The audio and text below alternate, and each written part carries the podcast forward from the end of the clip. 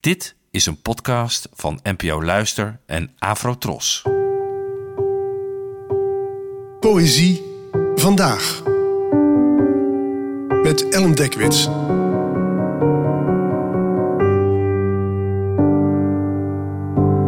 Hallo, fijn dat je luistert. Het gedicht van vandaag heet Ik ben gedrapeerd in hemelse huid en werd geschreven door de Amerikaanse dichteres Joshua Jennifer Espinosa, geboren in 1987 en vertaald door mij. Ik ben gedrapeerd in hemelse huid.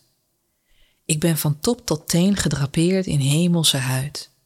Vroeger zeiden ze: Je kan nooit het meisje zijn waarvan je weet dat je het bent. Ik wist te veel over mensen om te kunnen blijven leven. Ik bleef leven. Ik schreef namen op mijn lijf, met spelden, nagels, messen, vuur, alles dat het vlees zou tekenen. Dit soort geweld vormt een altaar voor zichzelf. Hoe het je raakt zonder ademen, denken, voelen. Wat is er van mij over? De gezangen die ik zong om te voorkomen dat ik zacht zou slapen, als niets meer dan regen. Ik ontwaakte deze ochtend als tuin. Ik nam foto's van al mijn bloemen. Voor zover ik kon zeggen, was ik mooi. De afgelopen jaren is er in het publieke debat meer aandacht gekomen voor transgender personen en durven ook wat meer behoudende landen als de Verenigde Staten het aan om gedichten van en over transgender mensen uit te geven. En dit vers van de Amerikaanse transvrouw Joshua Jennifer Espinosa vind ik een ontroerende getuigenis van de zaken waar je doorheen kan gaan als je je beseft dat je je niet identificeert met je biologische geslacht.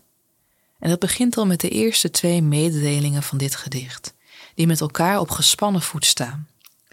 De ik-figuur zegt allereerst dat ze in hemelse huid is gedrapeerd, wat klinkt alsof het lichaam een goddelijk geschenk is.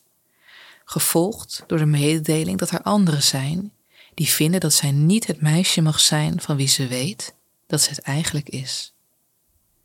Daarna zijn er de verdrietige regels dat ze te veel over mensen wist om te kunnen blijven leven, maar ook dat ze gelukkig bleef leven.